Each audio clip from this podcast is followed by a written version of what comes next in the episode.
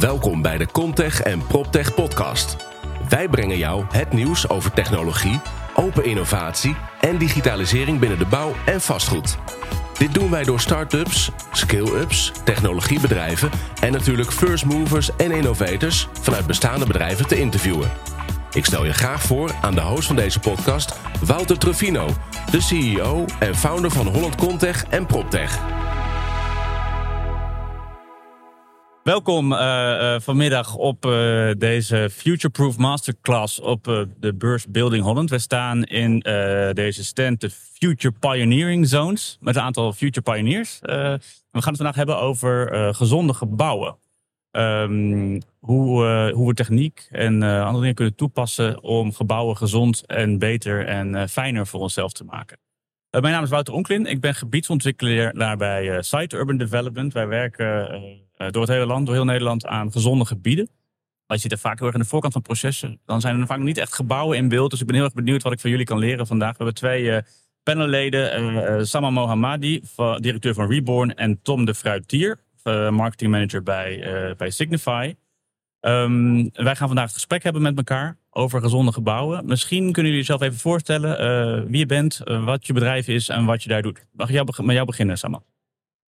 Dank van de intro. Saman Mohammadi dus, CEO bij Reborn. Uh, bij Reborn ontwikkelen we en beleggen we in uh, vastgoed met een hele diepgaande idealisme in relatie tot duurzaamheid. We hebben momenteel uh, ehm, 200.000 vierkante meter ontwikkeling lopende eh, in Den Haag en Amsterdam. Dat is de focusgebied. Ehm, en de projecten zijn ten alle tijde maximaal in de vorm van duurzaamheid. Daar zullen we later hoogstwaarschijnlijk op ingaan. Ben benieuwd. Ja, gaan we, gaan we zeker doen. Uh, Tom. Ik ben Tom de Fruitier. Ik ben uh, marketingmanager bij Signify. Het grootste lichtbedrijf ter wereld. Uh, Groter dan onze Hollandse Philips? Ja, dat is het vroegere Hollandse Philips ah. eigenlijk. Dus wij zijn een paar jaar geleden verzelfstandigd. En vandaag heten wij Signify. Philips is nog altijd ons belangrijkste merk. ik, zoals je kan horen aan mijn zachte G, ik, ik heb een eindje moeten rijden om naar hier te komen. Ik heb een een Benelux-functie.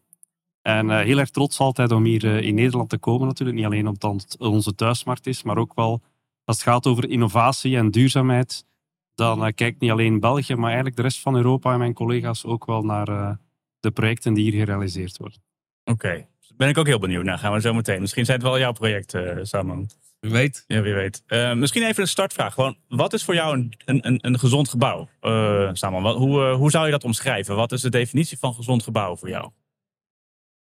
Ehm, de vraag is multidimensionaal. Op het moment dat je de vraag stelt, wat is de definitie? Dan komen een paar vragen in mij op. Vanuit welk oogpunt? Dus vanuit de oogpunt van de belegger is dat heel wat anders dan de oogpunt van een zorgbewoner. Of de oogpunt van een hotel uh, bezoeker. Uh, dus dat is wat hem multidimensionaal maakt. En vervolgens is de antwoord te geven op strategisch, tactisch en operationeel niveau. Operatie betekent een product. Tactisch is wat kan je met dat product, strategisch waar willen we naartoe. Maar als je hem echt hoog over strategisch plat slaat voor een ontwikkelaar en belegger, zoals wij dat zijn, is het maken van gezonde gebouwen die uh, gezond zijn voor de mens en ons planeet voor nu en door de tijd heen. Dat is hoog over wat wij in de vaandel hebben om te bereiken binnen onze vastgoedontwikkelingen. Oké, mooi. Um, kun je misschien ook al iets vertellen over het type projecten wat jullie doen en hoe, hoe, hoe, hoe gezondheid daar ook een rol in, uh, in, speelt? Je zegt het al, je bent een ontwikkelaar en een belegger. Wat doen jullie precies? Een goede vraag, wat doen we eigenlijk? Vraag ik me ook elke dag af. Nee, we kopen uh, leegstaande panden op prominente locaties binnen Den Haag en Amsterdam. Dat zijn twee wereldsteden. Dat zijn steden waarin de doorloop van gebruik van gebouwen ook continu verandert. Door wet en regelgeving, door de animo wat de steden hebben, omdat ze in dat internationale allure meedraaien. Amsterdam door zijn oudheid en Den Haag door zijn internationale gerechtshof en Scheveningen, et cetera. Wat wij doen, wij kopen gebouwen. Uh, die maken we functievrij. Dus onze gebouwen kunnen juridisch en technisch van functie wijzigen. Um, Vervolgens maken we gebouwen dierbaar. Dus we maken gebouwen met een verhaal. Waardoor mensen van gebouwen gaan houden. Dat is mentale gezondheid. En dan ga je naar duurzaamheid. maken gebouwen die circulair zijn. Dus grondstoffen die geen chemicaliën bevatten, goed zijn voor de mens. Uh, installatiesystemen die reageren op de gebruiker. Denk aan CO2-regeling, denk aan monitoren van zorglooplijnen in zorggebouwen. Uh, denk aan uh, um, de, de regulering van de gebouw in relatie tot zoninval. binnenklimaat. dus in duurzaamheid gaan wij op alle niveaus in op, op wat duurzaamheid inhoudt.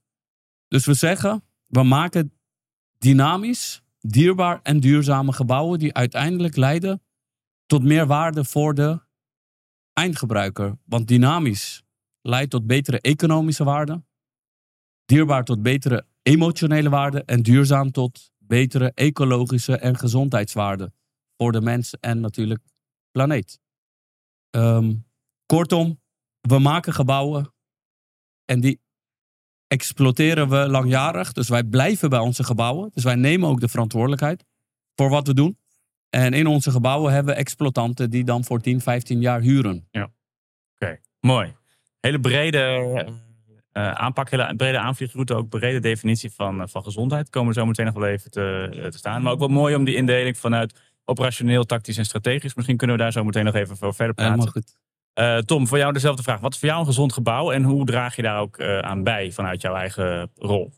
Ja, misschien kan je ze heel specifiek dan beantwoorden en uh, meteen doorgaan naar wat ik het beste kan, is de verlichting in het gebouw. Ik wil niet pretenderen dat ik kennis heb van wat een totaal gezond gebouw is. En als we kijken naar de verlichting, is natuurlijk ja, een beetje ook wat ons als Signify heel erg nauw aan het hart ligt, is ook gewoon het uitdragen van het belang van licht en het belang van licht op onze gezondheid. Dat is toch wel iets die, ja, die veel mensen niet kennen. Ook uh, wetenschappelijk pas de laatste tien jaar het meeste onderzoek ook naar gebeurt.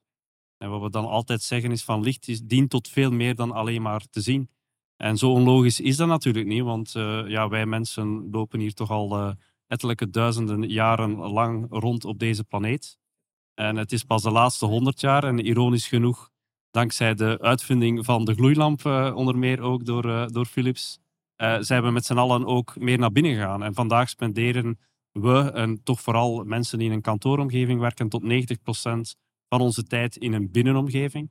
En zijn we eigenlijk ook 90% van die tijd verscholen van de informatie die de zon ons geeft, die meer is dan alleen maar uh, te helpen zien. Ja. Dus voor mij is gezonde verlichting is verlichting die daarbij stilstaat en verlichting die niet enkel wordt gekozen op basis van, wat ook belangrijk is natuurlijk, uh, op basis van energieverbruik, maar echt wel op de, ja, op de impact van de mensen die er uh, dagdagelijks moeten zijn en er hun dag moeten spenderen of hun avond moeten spenderen. Inderdaad, afhankelijk van de functie van het gebouw. En doen we dat een beetje goed de laatste tijd? Zijn we daar goed in? Of hebben we nog wel wat hulp nodig van jullie om dat te Ik denk dat daar nog heel veel kennis te delen is, voornamelijk. Wat we in, vandaag in de markt zien, van de verlichting dan, is, is en dat is misschien wel de belangrijkste uitdaging die we die we vandaag hebben, is, uh, of de belangrijkste bijdrage die verlichting vandaag kan hebben, is uh, de omschakeling van conventionele ver verlichting naar LED-verlichting. En dat doen we omdat we dan een gigantische impact hebben op, uh, ja, op de energieconsumptie van zo'n gebouw.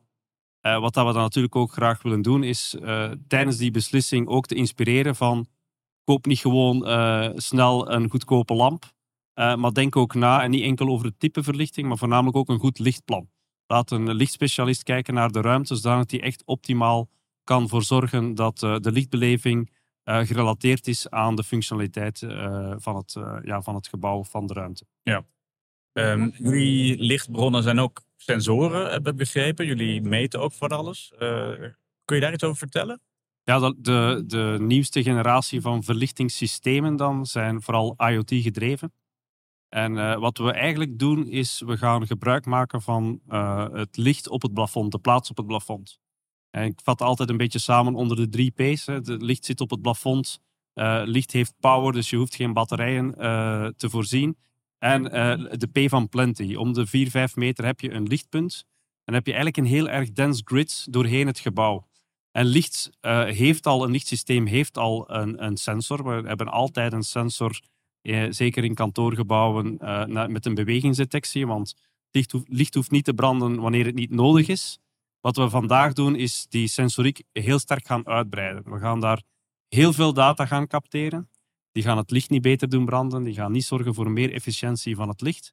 Maar we gaan dat via API's, via de cloud of ook uh, on-site terug gaan geven aan het gebouw en aan de gebruikers van het gebouw. Om uh, extra energie te gaan besparen uh, via een, koppeling aan de HVAC. Maar evengoed ook om een heel andere experience aan de kantoormedewerkers te gaan bezorgen via allerhande apps. Er zijn heel wat toepassingen. met data kunnen we steeds meer. Um, uh, en ja, wij, vinden, wij gaan niet pretenderen van wat je met die data moet doen, maar we denken wel dat het veel efficiënter is om gebruik te maken van een infrastructuur die je al hebt, in plaats van uh, er nog heel wat andere infrastructuren uh, naast te gaan bouwen. Samen, misschien kan jij daar iets over zeggen. Want je noemde data ook al. Hè? Je relateerde dat ook erg aan de gebruiker van jullie gebouwen. Um, wat wil die gebruiker? Wat, wat, zien jullie vanuit de data die jullie misschien verzamelen in jullie gebouwen? Of, of wat wil de gebruiker? Hoe, hoe, kun je gebouwen maken die voor hen het beste werken. Eerlijk of een marketingverhaal? Eerlijk natuurlijk. Ja, daar zitten we hier voor.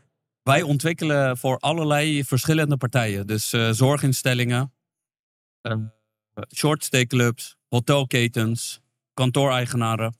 En wat wij merken tot aan uh, een gebouw bestaat uit lagen. Je hebt de draagstructuur van de pand, je hebt de gevel, je hebt de installatiesystemen op het moment dat je bij de binnenwanden terechtkomt en afwerking, merken wij dat gebruikers vaak uh, heel erg terughoudend zijn.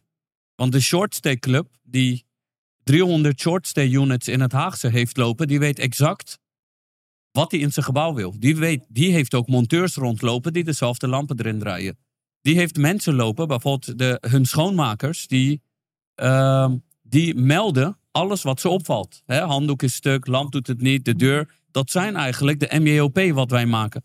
Dus wat ik merk bij zorginstellingen heb ik geprobeerd innovaties door te voeren. Kom je niet doorheen. Ze hebben demotica. Als een ouder iemand valt, moet de demotica die ze kennen, die over hele portefeuille is uitgerold, dat vinden ze veiliger dan innovatieve. we hebben innovatieve lampen voorgesteld die inderdaad data meten en eigenlijk alles doen veel goedkoper, veel efficiënter dan hun oudbollige demotica-systeem niet er doorheen uh, kunnen krijgen. Waar, dus wat ik... waar ligt dat aan? Moeten we daar nog aan wennen of moeten we beter geïnformeerd worden? Waar... Want het maakt jullie gebouwen efficiënter, kan ik me zo voorstellen. En ook voor de gebruikers. Nou, de, de lastigheid is, je gaat op de stoel zitten van de exploitant. Ja. En wij zijn vastgoedontwikkelaars. Op het moment dat je op de stoel gaat zitten van een zorginstelling en hun gaat vertellen hoe zij hun zorg moeten gaan doen, dan werk je heel veel uh, uh, tegenwerking op. Uh, wat wij merken, dus wij, wij gaan daar best wel ver in. We proberen dan te partneren.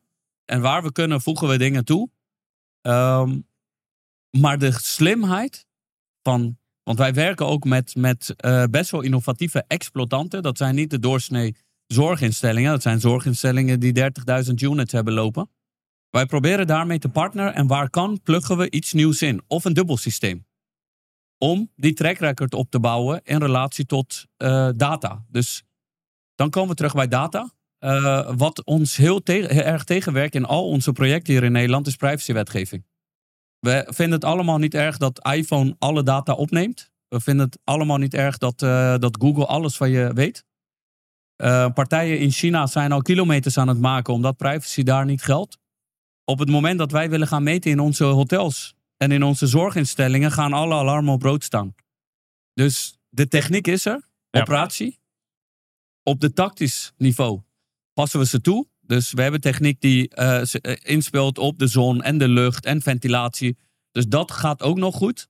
Maar de ei van Columbus ligt op het niveau dat je data gaat minen. En met de data een serie van betere gebouwen gaat maken. Wij maken functievrije gebouwen. Dus wij kunnen ook echt terugkoppelen dat bijvoorbeeld zorglooplijnen in een zorginstelling niet efficiënt zijn. Dat wij de plattegronden komen wijzigen, omdat je dan met twee zorgmedewerkers meer bewoners kan verzorgen. Dat, dat is waar data informatie wordt en informatie zich in genialiteit vertaalt op de plattegrond en in het gebouw. Alleen door privacy worden we continu teruggeduwd. Dus dat staat jullie echt in de weg om eigenlijk die sprong te maken van het tactische niveau naar, naar dat, strategische. strategische. niveau. Exact. Herken je dat, uh, Tom? Heb je, hebben jullie daar ook mee te maken? Of lopen jullie ergens ook tegenaan tegen dit soort, uh, soort zaken? Ja, ik, denk, ik denk dat dat heel erg um, segmentspecifiek kan zijn. Uh, momenteel maken wij de meeste meters in kantooromgevingen. En daar zien we, natuurlijk krijgen ze heel veel vragen rond privacy en security. Uh, want normaal gezien is de IT-verantwoordelijke niet betrokken bij de aankoop van verlichting. En nu wordt die dat plots wel. Uh, dus het is wel een veel complexer proces om, om tot zo'n een, een oplossing te komen. Uh, dus we krijgen die vragen wel, maar eigenlijk worden die vragen steeds goed beantwoord en, en leeft die zorg niet lang. maar het is wel een veel, wat wij vooral merken is dat het een veel complexer beslissingsproces is. En voornamelijk dat je heel vroeg aan de voorkant en eigenlijk heel strategisch het gesprek moet aangaan met, uh, met een klant daarover. Ja. Je moet eigenlijk kunnen aansluiten op, in dit geval, van kantoren. Uh, ja, uh, we zitten midden in een, of op het einde van een, van een pandemie, laten we zeggen. Thuiswerken wordt nog altijd ja. aangeraden. Straks, wanneer dat voorbij is, zal een andere manier van kantoorbeleving, dat zal blijvend zijn. dus het is echt wel een uitdaging voor die uh, verantwoordelijke van HR van, ja, maar wat, wat, voor een kantoor heb ik nu nodig? En hoe flexibel moet dat zijn? Ja. En gelukkig bestaan er al slimme kantoren. En we zien daar wel een, een ongelooflijke versnelling van de markt. Maar het moet echt wel vanuit die strategie moet je kunnen aanhaken en kunnen vertalen naar een organisatie. En dan blijf je nog altijd, de grootste complexiteit is dan uh, voor de kantoormarkt dan, is het is een huurder-verhuurdermarkt. Uh, dus je moet zowel bij de ontwikkelaar als bij de eindklant eigenlijk het ecosysteem kunnen bij elkaar brengen. En voor hele grote multinationals en grote ontwikkelaars op kantoorgebied lukt dat dan wel.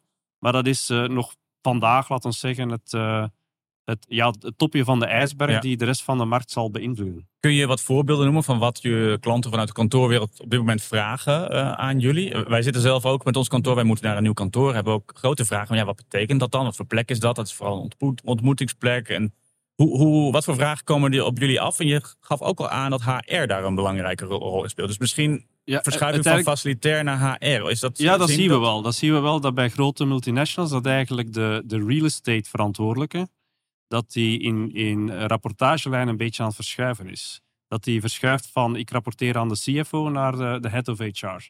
En dat heeft natuurlijk ook een hele andere dynamiek naar hoe naar zo'n zaken gekeken worden, puur cijfermatig of ook ja, dat de zachte kant eh, binnenkomt. En uiteindelijk de uitdaging van elke grote organisatie is van hoe ga ik eh, de war on talent, hè, hoe ga ik talent gaan aantrekken, eh, retentie en ook employee satisfaction zorgt uiteindelijk ook voor, ja, voor productiviteit. Hè. Dat, dat, dat, dat snappen grote organisaties. En hoe gaan ze het dan vertalen in hun gebouw? En dan zie je dat ja, met name de jongste generatie werknemers, dat die heel veel aandacht hebben. Met name is dat gebouw wel gezond? Is mijn organisatie wel duurzaam? En eh, gaan eigenlijk al die slimme technologie, eh, niet zozeer voor de slimmigheid of, of voor de, laten we zeggen, de, de aantrekkelijkheid van, eh, van IoT en, en hoe cool is het niet.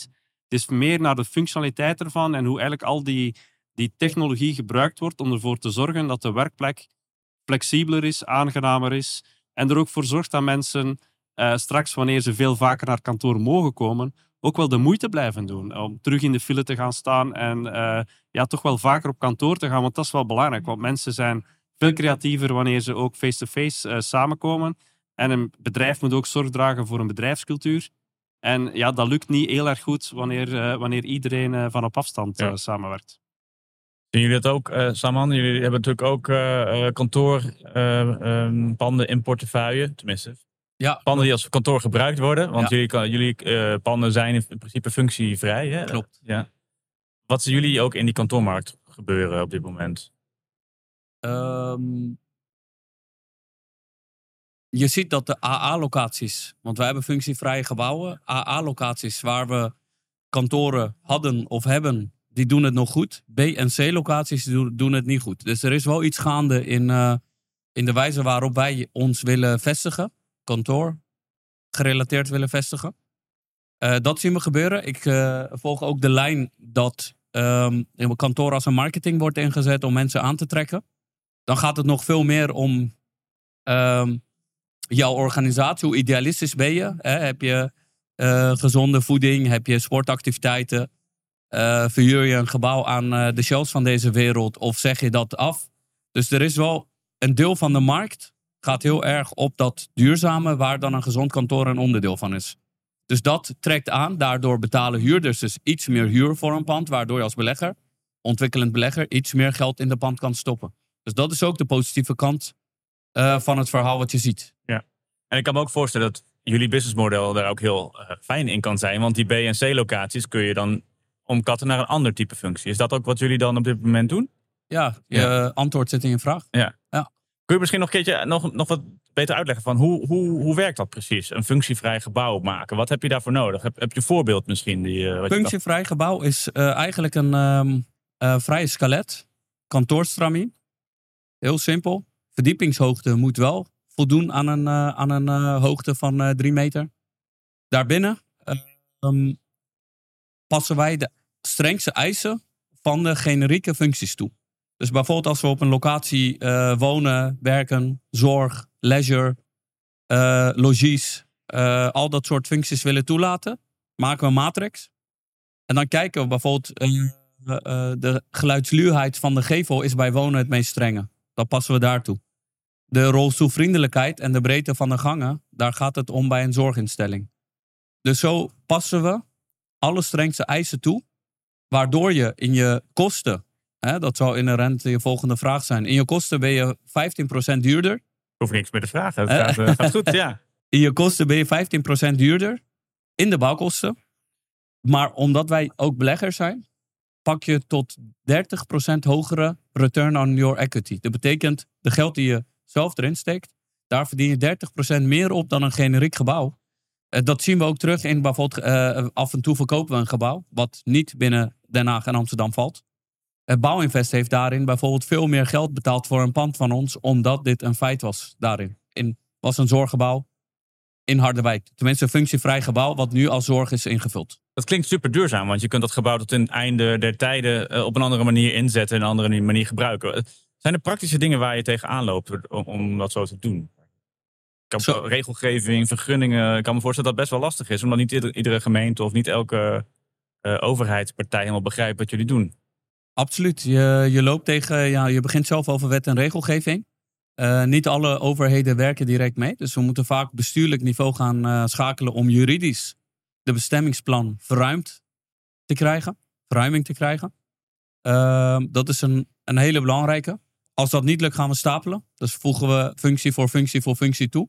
Als je 15 jaar bij pand betrokken bent, dan kan dat. Ehm, je loopt natuurlijk tegen die 15% hogere bouwkosten.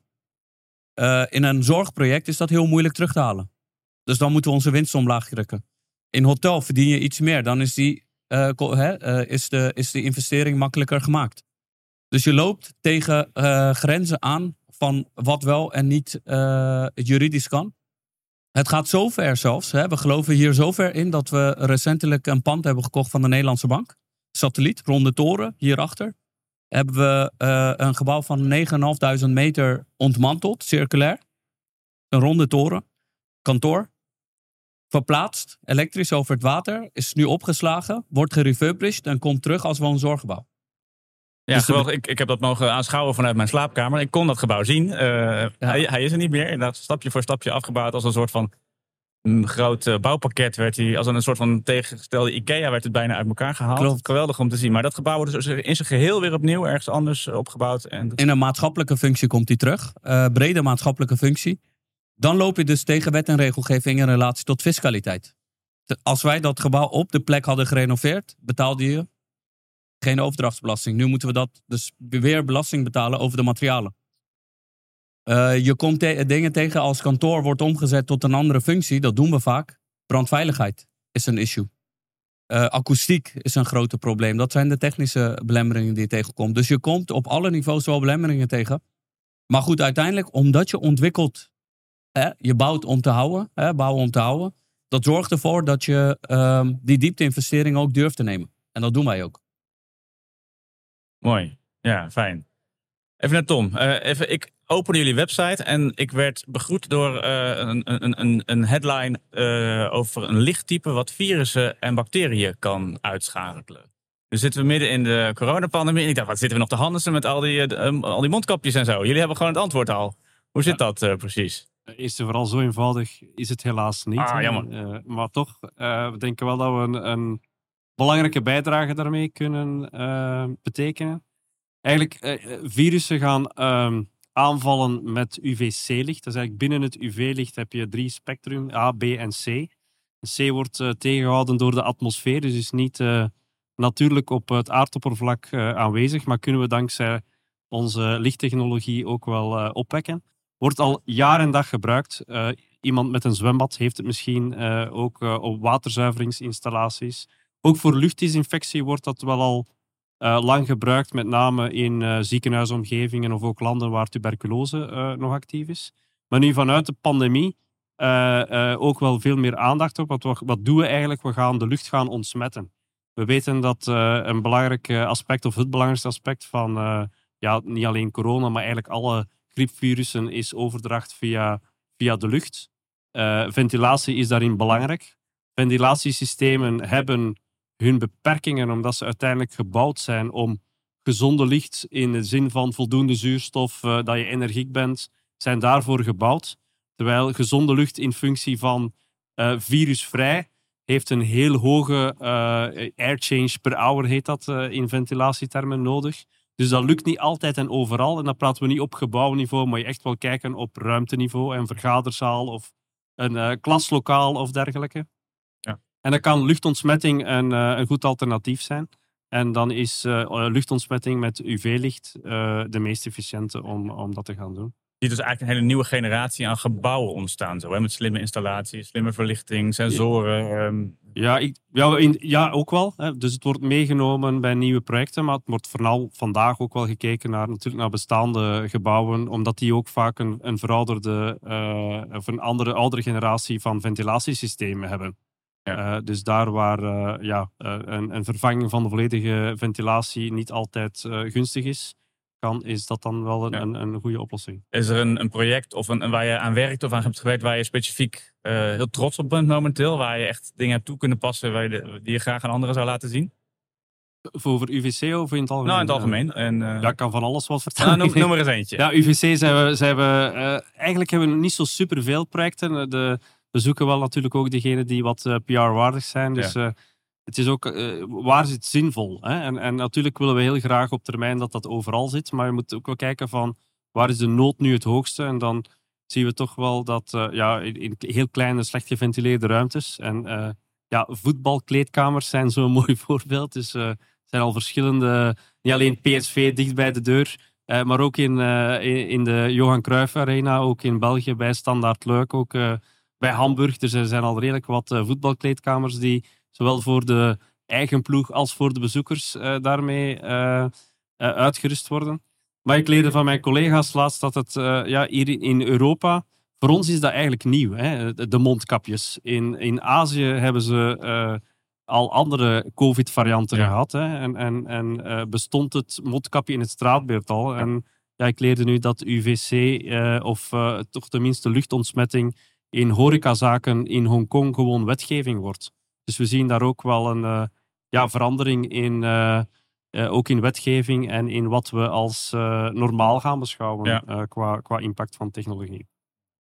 Nu, dat is een, dat is een voorbeeld van een, ja, een oplossing die heel actueel is. Maar ik, ik kijk nog, toch voornamelijk nog uit naar terug heel erg vrij naar kantoor te gaan. En dan was ik heel blij toen ik hier op parking 4, op de dakparking stond. Dat ik eigenlijk een heel mooi zicht had op op Edge Valley van bekende architecten. Heel mooi, iconisch gebouw, denk ik ook wel voor, voor de Zuidas. Die het ook wel een, een nieuwe look geeft. En ja. ja. dat is toch ook wel een gebouw waar we trots mogen zijn dat we daar ook in mogen partneren. Mooi, ja, zeker een iconisch gebouw. ja. En Saman, je ziet ook dan een, een, nieuwe generatie aan gebouwen ontstaan. En je begon net ook al even van, uh, waar gaat het dan naartoe? Hè? Um, als, je, als je verder vooruit kijkt, van waar denk je dat deze ontwikkeling, waar gezondheid een belangrijke rol uh, speelt, maar je, je trekt hem eigenlijk breder hè, naar duurzaamheid, hergebruik van gebouwen. Uh, waar gaan we naartoe, denk je? Waar staan we over tien jaar in dit soort discussies? Ik denk dat we komende jaren heel veel ehm, slimme oplossingen gaan stapelen. Zoals bij de meest gezonde en duurzame gebouwen die we vandaag de dag zien. Als je kijkt hoeveel energie ze verbruiken door alle techniek die erin zit, dan word je moedeloos.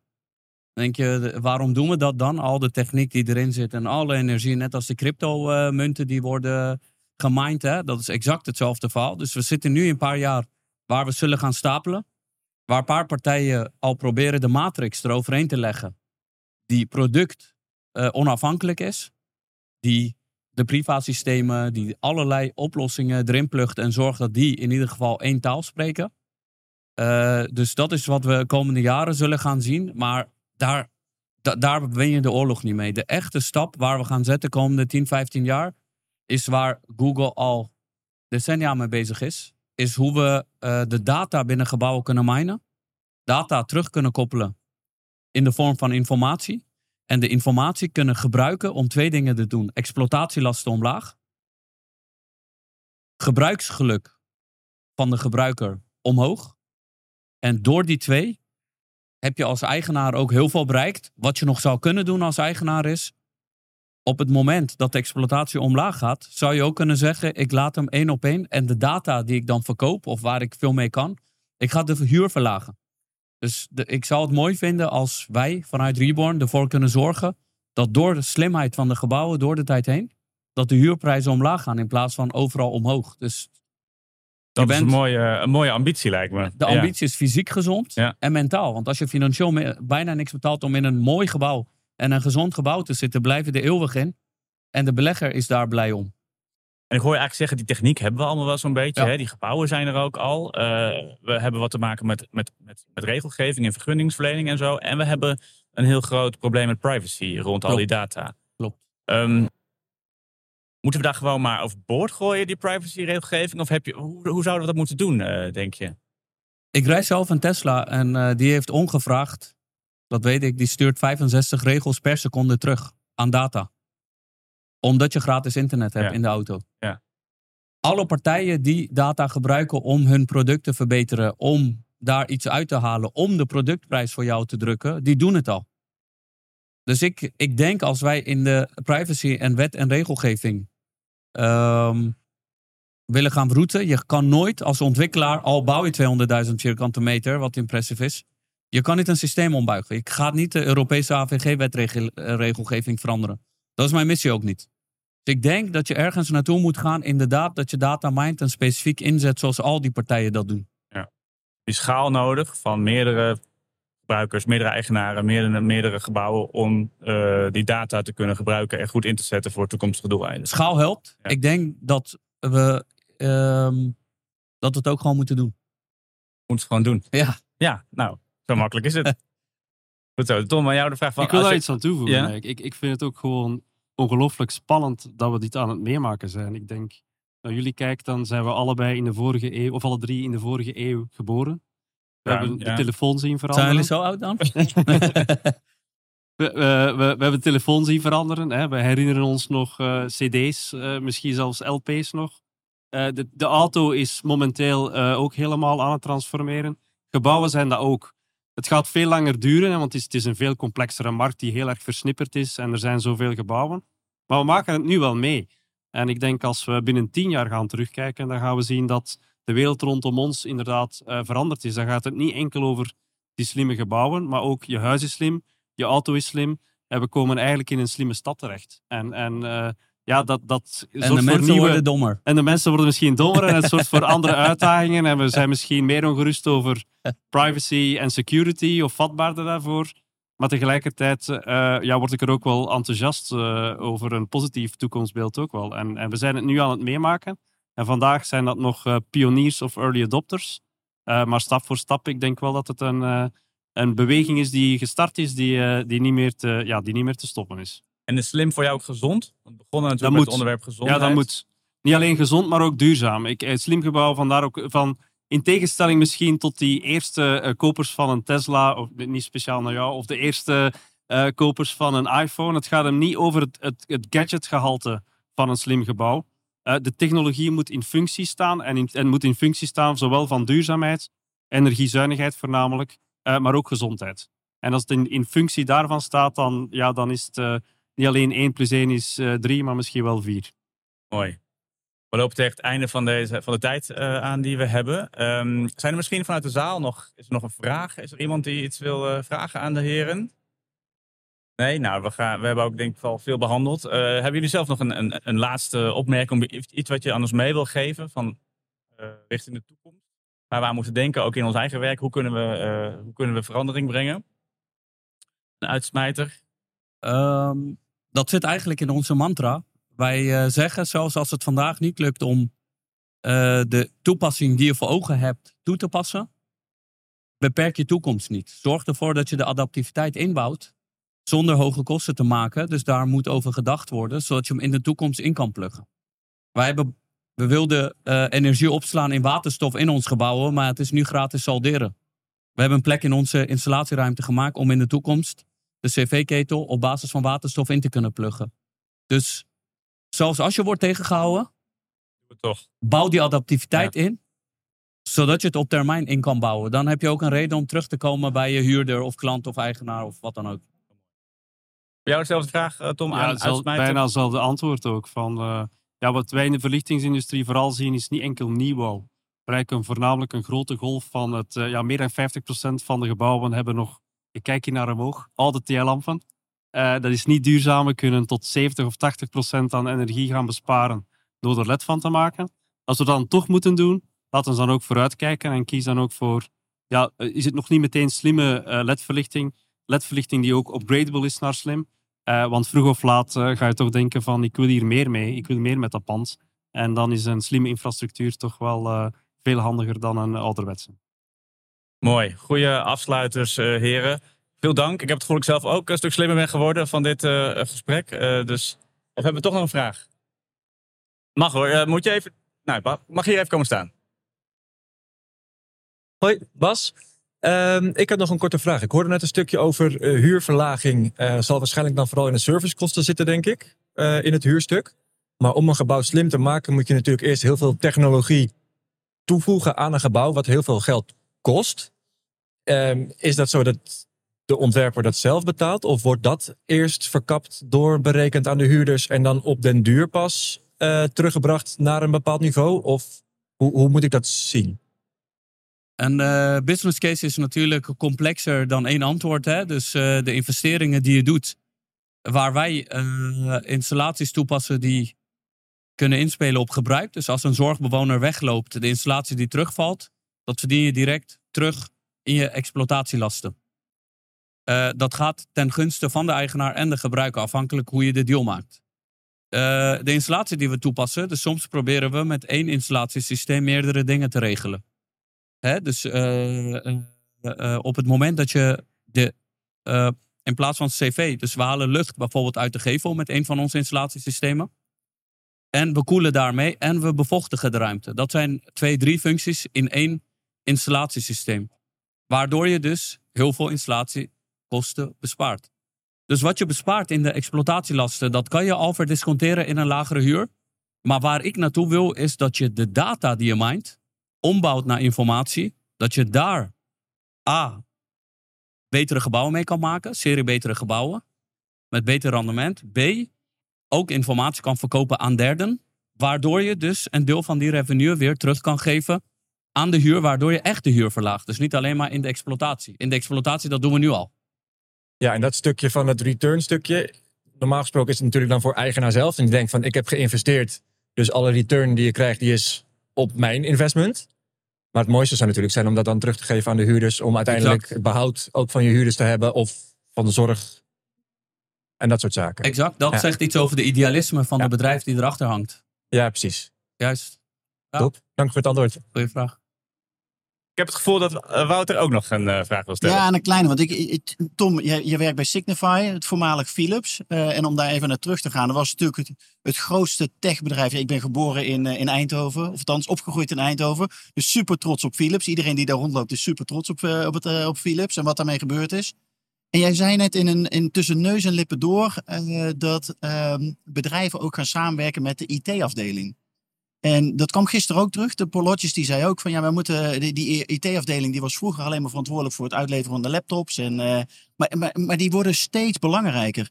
Hoe zie jij dat we vanuit vastgoed zeg maar, kunnen leren wat jullie als, als techbedrijf zeg maar, in je DNA hebben zitten? Hoe we die twee werelden bij elkaar gaan brengen? De, de IT-wereld en de, de stenen stapelen wereld eventjes. Ja, ik, ik, eh, ik refereer naar, naar een, misschien naar een, naam die in een Belgisch platform rond smart buildings eh, noemt. Die, die oprichter die heeft dat IT centraal genoemd. En, en eigenlijk wat hij zegt is van een gebouw moet je anders gaan bouwen. eh, starten met IT. Net zoals in een fabriek, eerst ga je de productielijn gaan uittekenen en pas nadien de muren zetten. Eigenlijk moeten we dat met een gebouw ook gaan doen. Als we echt goed weten van welke functionaliteit er moet erin komen, en dan pas de, de schil, ik, ik stel het nu simpel voor, het is, Ja. het is wel complexer dan dat, maar het begint eraan van, vandaag is IT iets dat achteraf komt.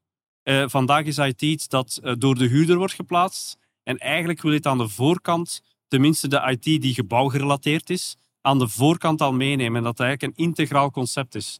En dat is belangrijk. En dat is ook wat je nu ziet, ik denk overal hier eh, met de standhouders hier, is van iedereen is bezig die competentie ook aan het binnentrekken. Dus het zijn zowel de ontwikkelaars als de studiebureaus, die natuurlijk ook ingenieursgedreven zijn qua, eh, qua historiek. Iedereen moet die kennis gaan, gaan opbouwen en, eh, en binnentrekken. En dat doen, dat doen ze ook allemaal wel stap voor stap. En daardoor komen die werelden ook wel dichterbij. Nu, wat wij daarin geleerd hebben van hoe ben je daarin succesvol, is net vanuit die visie te starten. En die visie die, die, die leeft ergens eh, op sea-level.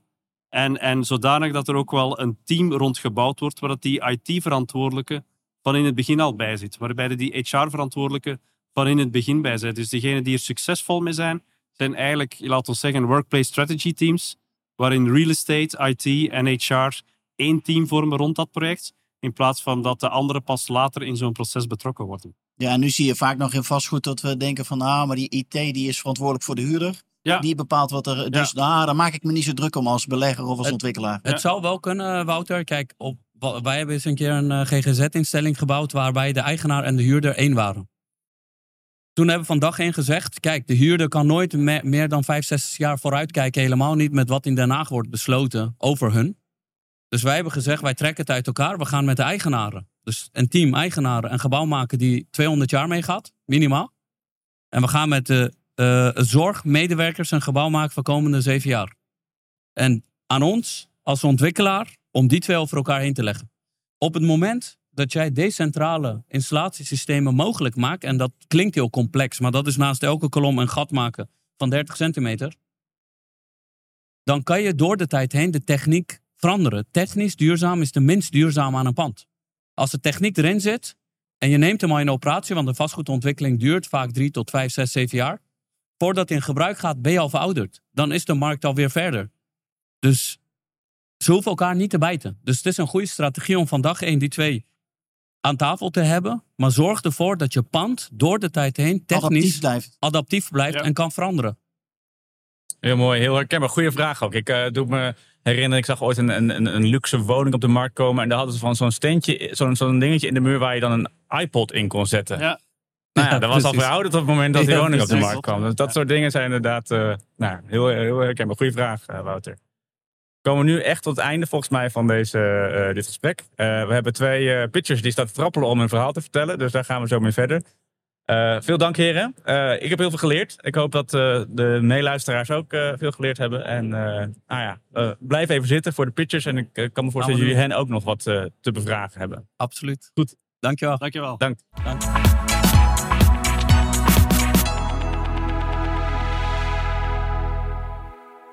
Welkom en eh, dankjewel voor de opportunity om Ingie te pitchen. En wat wij doen is wij maken gebouwen slim eh, via de verlichting. Het kwam net ook al een aantal keer te sprake in de paneldiscussie. Ehm, maar wij gaan er hier nog iets dieper op in. Ehm, dus wat wij doen is eh, op het moment dat de verlichting geplaatst wordt, gebruiken wij de verlichting eigenlijk als een backbone om een schaalbaar draadloos netwerk binnen je gebouw uit te rollen. En het grote voordeel is, op het moment dat we dat uitgerold hebben via de verlichting, kunnen we significante kosten reduceren om het gebouw slim te maken. Nou, hoe doen we dat concreet? Ehm, we verlagen de. eh, ten eerste, de verlichting wordt niet duurder. We, gebruiken dezelfde bestaande draadloze radiotechnologie die we sowieso gebruiken om de verlichting aan te sturen. Ook als backbone voor je verlichting, voor, voor, de, voor het smart building. Dus er komt geen additionele kosten voor je, smart, voor je verlichting bovenop. Ehm, we hebben vervolgens een dedicated IoT-netwerk in je hele gebouw, breedte, eh, waarmee we eigenlijk een alternatief bieden voor je wifi-infrastructuur om eh, op lage energie, lage bandbreedte eh, sensoren naar de cloud te verbinden. Ehm, en omdat we zo'n hoge dekking hebben van onze backbone-infrastructuur, kunnen we vaak batterijvrije sensoren eh, draadloos plaatsen. Waardoor je dus alle installatiekosten om de, sensoren bekabeld aan te leggen kwijt bent.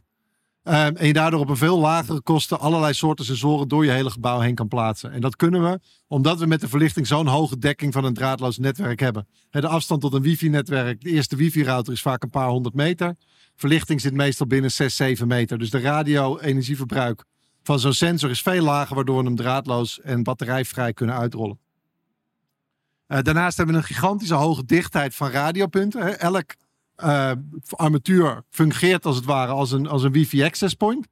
Eh, en daarmee kunnen we op het moment dat we lokalisatie willen doen met behulp van radiotechnologie, een veel hogere dichtheid halen dan elke andere radiotechnologie binnen het gebouw.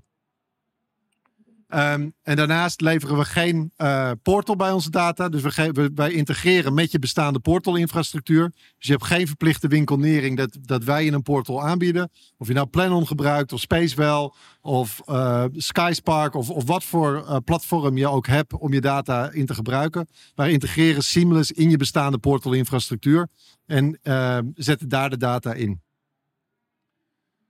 Ehm, nou, dan is altijd de vraag, nou dat is een mooi abstract verhaal. Wat is dan de concrete use cases? Waar where's the money? Show me the money. Nou, een aantal van de, van de concrete use cases die we bieden op het gebied van de data die we verzamelen, eh, is bijvoorbeeld het lokaliseren van equipment. Eh, dus wat wij op grote schaal doen binnen ziekenhuizen, is we lokaliseren alle medisch equipment binnen een ziekenhuis. Daarmee besparen we de hoeveelheid medisch equipment die een ziekenhuis nodig heeft met ongeveer 15 tot 20 procent. Ehm, en, we verhogen de, eh, de compliance van het onderhoud. Ehm, en we kunnen dat eh, ongeveer 30% goedkoper dan eh, vergelijkbare eh, asset tracking oplossingen. Dus we kunnen die asset tracking veel goedkoper aanbieden dan als je een losstaande oplossing zou uitrollen zonder gebruik te maken van de verlichting. Indoor navigatie. Nou, wederom, op het moment dat je indoor navigatie wil gaan uitrollen, moet je normaal gesproken een infrastructuur gaan in, ophangen van, van beacons om mee te navigeren. Elk van onze armaturen fungeert als een beacon en daarmee kunnen we die indoor navigatie veel goedkoper, zonder, zonder capex-investering in infrastructuur uitrollen. Eh, eh, space utilization. Dus we zien dat we ongeveer 20 tot 30 procent kunnen besparen op de space utilization door de gedetailleerde inzichten te geven in welke ruimtes wanneer gebruikt worden. En dat doen we niet alleen door de peersensors die al in de verlichting zitten, maar juist ook door extra sensoren te plaatsen die we eh, makkelijk via ons draadloze netwerk kunnen uitlezen. Dus dat kunnen bijvoorbeeld eh, stoelsensoren zijn, dat kunnen tafelsensoren zijn, dat kunnen deursensoren zijn, dat kunnen people counting sensoren zijn. Die zitten eigenlijk allemaal binnen ons ecosysteem. Eh, en dan als laatste is het, ja, ik heb een paar keer genoemd, het uitrollen van batterijvrije sensoren. Eh, een hele goede case daarvan is bijvoorbeeld een raamsensor. Op het moment dat je een, sensor wil uitrollen om te kijken of een raam open en dicht staat om je eetzwek aan te sturen, dan kost je dat gemiddeld ongeveer 250 euro aan bekabeling. Nou, dat per raam. En dat halen wij gewoon weg door een draadloze eh, batterijvrije sensor daar te plaatsen. En dan kunnen we daardoor die, dat raamdetectie voor een fractie van de kosten doen. Nou, wij geven altijd aan, we hebben eigenlijk te maken met twee kopers binnen onze propositie. Eén koper is de verlichtingskoper. Die, die is eigenlijk alleen maar geïnteresseerd. Hè? Ik, moet, ik moet mijn pand verledden. En dat moet ik eh, zo, voor een bepaald budget moet ik zoveel mogelijk vierkante meters verledden. En de andere koper is de smart building koper. Die is geïnteresseerd in asset tracking of indoor navigatie. Nou, wij zien eigenlijk dat die twee kopers volledig los van elkaar opereren. Dat wordt net ook al besproken. Je moet het allemaal integraal aanpakken. Ja, dat is de droomwereld, helaas, in de meeste, meeste eh, klanten. En wat wij zien is dat ze totaal los opereren. Dus wij hebben ons businessmodel daar volledig op ingericht. Dus wat we aan de ene kant aanbieden aan de verlichtingskoper is een schaalbaar, eh, draadloos eh, netwerk voor eh, verlichtingscontrole. Waarbij die significant bespaart ten opzichte van bestaande bedraden technologie. Dus voor hem heeft hij een veel flexibeler en makkelijker installeerbaar systeem.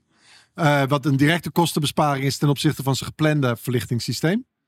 Ehm, en, hij betaalt, en, en dat is eigenlijk los van alle Beyond functionaliteit.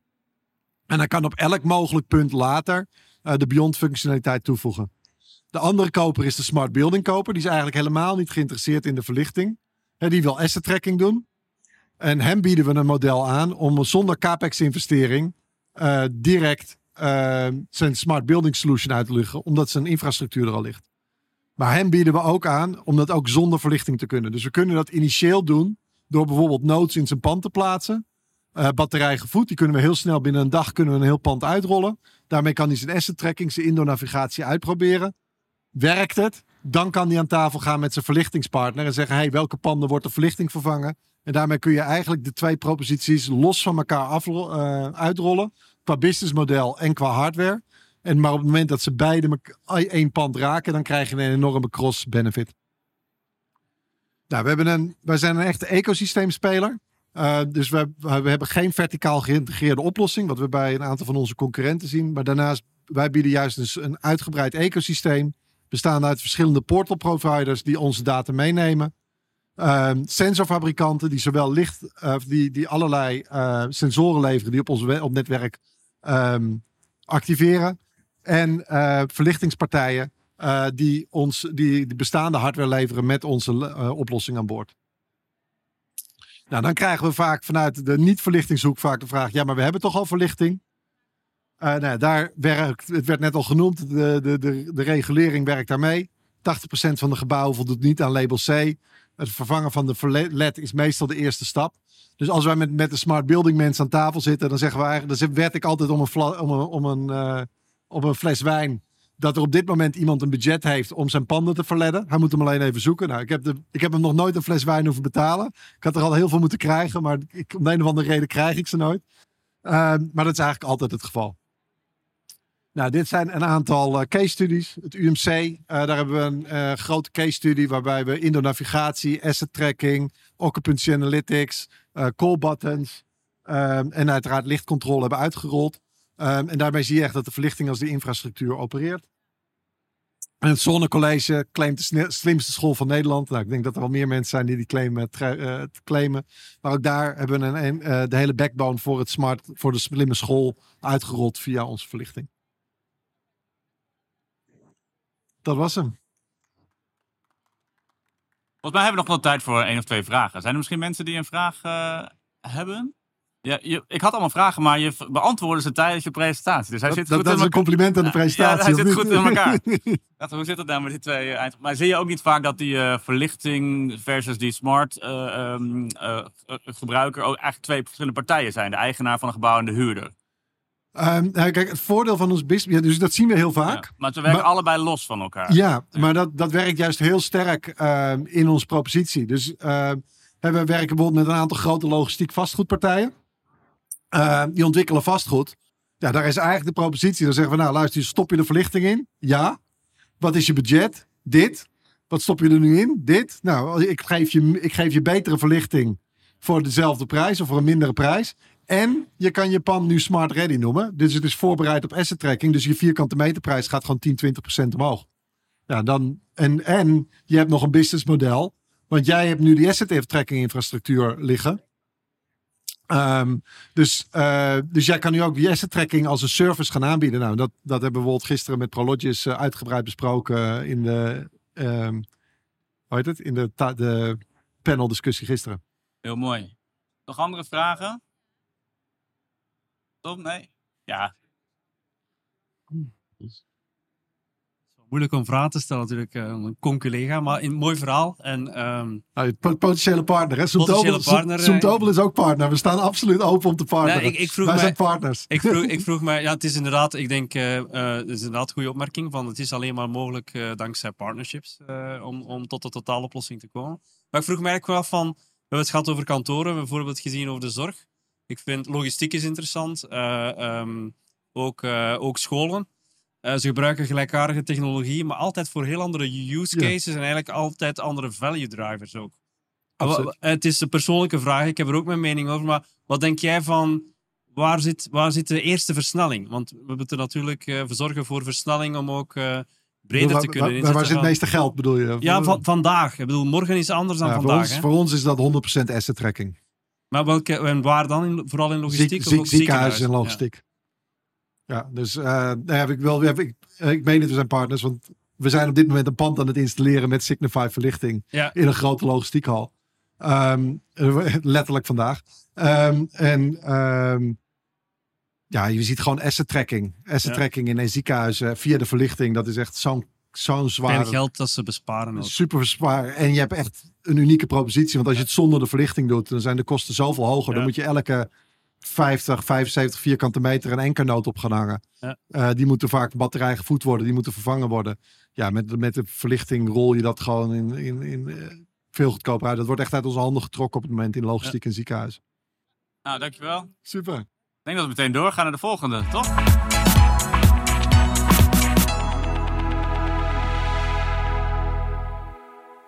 Ja, goedemiddag allemaal. Eh, mijn naam is Bas Braaksma. Ik werk voor Opener.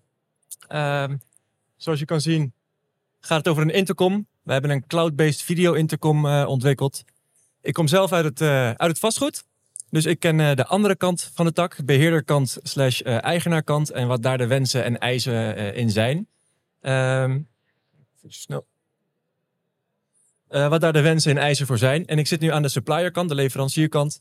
Eh, en we proberen daar juist nu een eh, vertalingsslag in te maken door te kijken van oké, mijn kennis, wat willen beheerders en eigenaren nou en wat zijn de wensen en vooral de eisen. En vanuit onze kant, intercom provider, eh, wat kunnen wij betekenen? Komt u misschien bekend voor? Ik heb hier een drietal voorbeelden ehm, van intercom systemen ehm, die we veel tegenkomen, die we veel zien op gebouwen. Eh, ja, en dan kan je je afvragen, hoe slim is dit nou voor je gebouw? Eh, simpel antwoord, dit is het niet. Bekabeling, rommelig, naamplaatjes die niet meer overeenkomen met de, de huurder die er een half jaar geleden in zat. Ehm, oh. En op basis daarvan zijn wij gaan kijken, oké, hoe kunnen we dat nou anders aanpakken? Zoals ik zei, we hebben een cloud-based video intercom ontwikkeld. Eh, waarbij we voornamelijk de flexibiliteit en het persoonlijke stukje naar voren willen halen. We kijken naar de eindgebruiker, dus daadwerkelijk uiteindelijk voor vastgoed de huurder of residentieel de, de bewoner. En eh, dat vertalen we ook weer naar een stukje van beheerder van een gebouw. Hoe doen we dat? Zoals ik al aangaf, we hebben de draadloze intercom om te videobellen. Ehm, wij hebben een intercom waarbij je two-way video mogelijk eh, maakt. Dus degene die aanbelt kan jou zien en vice versa. Daarbij is de mobiele telefoon de deuropener. Geen sleutelbeheer meer, geen sleutels, tags, rondslingerende dingetjes. Nergens meer voor nodig. Je hebt gewoon je deuropener in je zak. En een beheerportal, wat volledig online eh, in te richten is. De beheerder kan eenmalig een eh, gebruiker aanmaken. Die gebruiker kan vervolgens zijn eigen medewerkers eh, ook weer verder aanmaken. En die krijgen zo de toegang tot het systeem. En kunnen door één knop op de druk zelf binnenkomen, maar ook mensen binnenlaten. Probleem. Wij eh, hebben het probleem een beetje gedefinieerd op drie pijlers. Beheerder, eh, gebruiker slash bewoner en de eigenaar. De beheerder ervaart vooral het stukje problematiek bij sleutelbeheer. Een huurder gaat eruit, je hebt een sleuteloverdracht. Je hebt ooit een keertje een, eh, een plan geschreven met hoeveel sleutels je hebt afgegeven, hoeveel tags je hebt afgegeven van de voordeur, gecertificeerde sleutels, tags, noem het maar op. Moet je allemaal terugkrijgen en moet op een manier beëindigd worden. Eh, de bewoner en de bezoeker, zoals die drie voorbeelden die, ik, eh, voorbeelden die ik net liet zien, is heel onpersoonlijk en komt vaak ook heel onprofessioneel over. Zeker als je een bezoeker krijgt van die wil je uitnodigen, dit is mijn kantoor, komt het onprofessioneel over. En bij de eigenaar is het voornamelijk bij de, bij de ontwikkelingkant.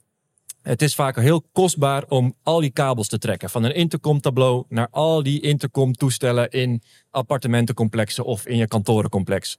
Dat stukje komt vo- volledig te vervallen. De intercom, eh, oh, de intercom hebben we twee fases. We hebben een 4G-module en we hebben een PoE-module. Ja, de intercom heeft één kabel nodig voor internet, voor, eh, voor eh, Elektra, want hij moet gevoed worden. En met een UTP-kabel kan je hem ook meteen voorzien van een internetverbinding. Mooi plaatje over eh, alle bekabeling die je tegenwoordig eh, eh, hebt. Dan heb je het serieus over af en toe kilometers aan kabels, wat je voor één gebouw nodig hebt om al die intercoms te koppelen. En dan moet je nagaan dat als jij nu met de flexibele kantorenmarkt aan het kijken bent, dat je één pand, waar bij wijze van spreken drie verdiepingen zijn, elke verdieping heeft twee huurders, heb je zes huurders. Eén locatie wordt opverdeeld in flexhokjes. Willen allemaal een eigen toegang hebben. Met opener kan je heel makkelijk schakelen en opschalen met verschillende intercoms. eh, ten opzichte van opnieuw al die kabels trekken naar extra intercomtoestellen. Flexibel je gebouw indelen. kilometers kabel besparen en geen binnenposten meer nodig. Ik ben eigenlijk te snel voor, het, eh, voor de plaatjes. Op afstand naamplaatjes toevoegen. Deze foto laat het ook al even zien.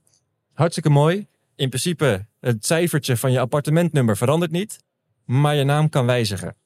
Je kan getrouwen, je kan een andere naam krijgen, je kan verhuizen of een, ja, een nieuwe bewoner worden. Met onze intercom kun je het heel makkelijk met een tableautje op het intercom zelf aanpassen vanaf een locatie met het online dashboard. Mooie foto. Ik had eigenlijk een zak sleutels mee willen nemen die ik hier zo pontificaal op de grond had gegooid. Helaas is dat er niet geworden. Ehm, opener. Jullie zien nu een deuropener staan. Dat is eigenlijk de vervanging en die stuurt de elektrische deuren aan. eh, de elektrische sloten aan, eh, die uiteindelijk dus vanuit de opener intercom aangestuurd worden om open te klikken. Betekent wel, de deur moet elektrisch gevoed zijn. Dat is wel een, eh, een keynote. Sleutelbeheer op afstand. Ik had het er net al heel eventjes over. Dit is het online dashboard. Waarbij dus heel makkelijk één manager aangemaakt kan worden voor één eh, gebruiker. En die kan vervolgens al zijn medegebruikers, denk aan een kantoor. Je hebt één manager en je hebt eh 50 medewerkers. Die kunnen alle 50 in het systeem geladen worden. Die kunnen eenmalig toegevoegd worden met dezelfde eh, rechten. Even heel kort en bondig. Ehm, ja, het gaat om een intercom. Platter kan ik het niet slaan. Ehm, wij hebben het voornamelijk over flexibiliteit en persoonlijkheid. Ehm, en met name ook de focus en de vertaling naar eh, slimme gebouwen.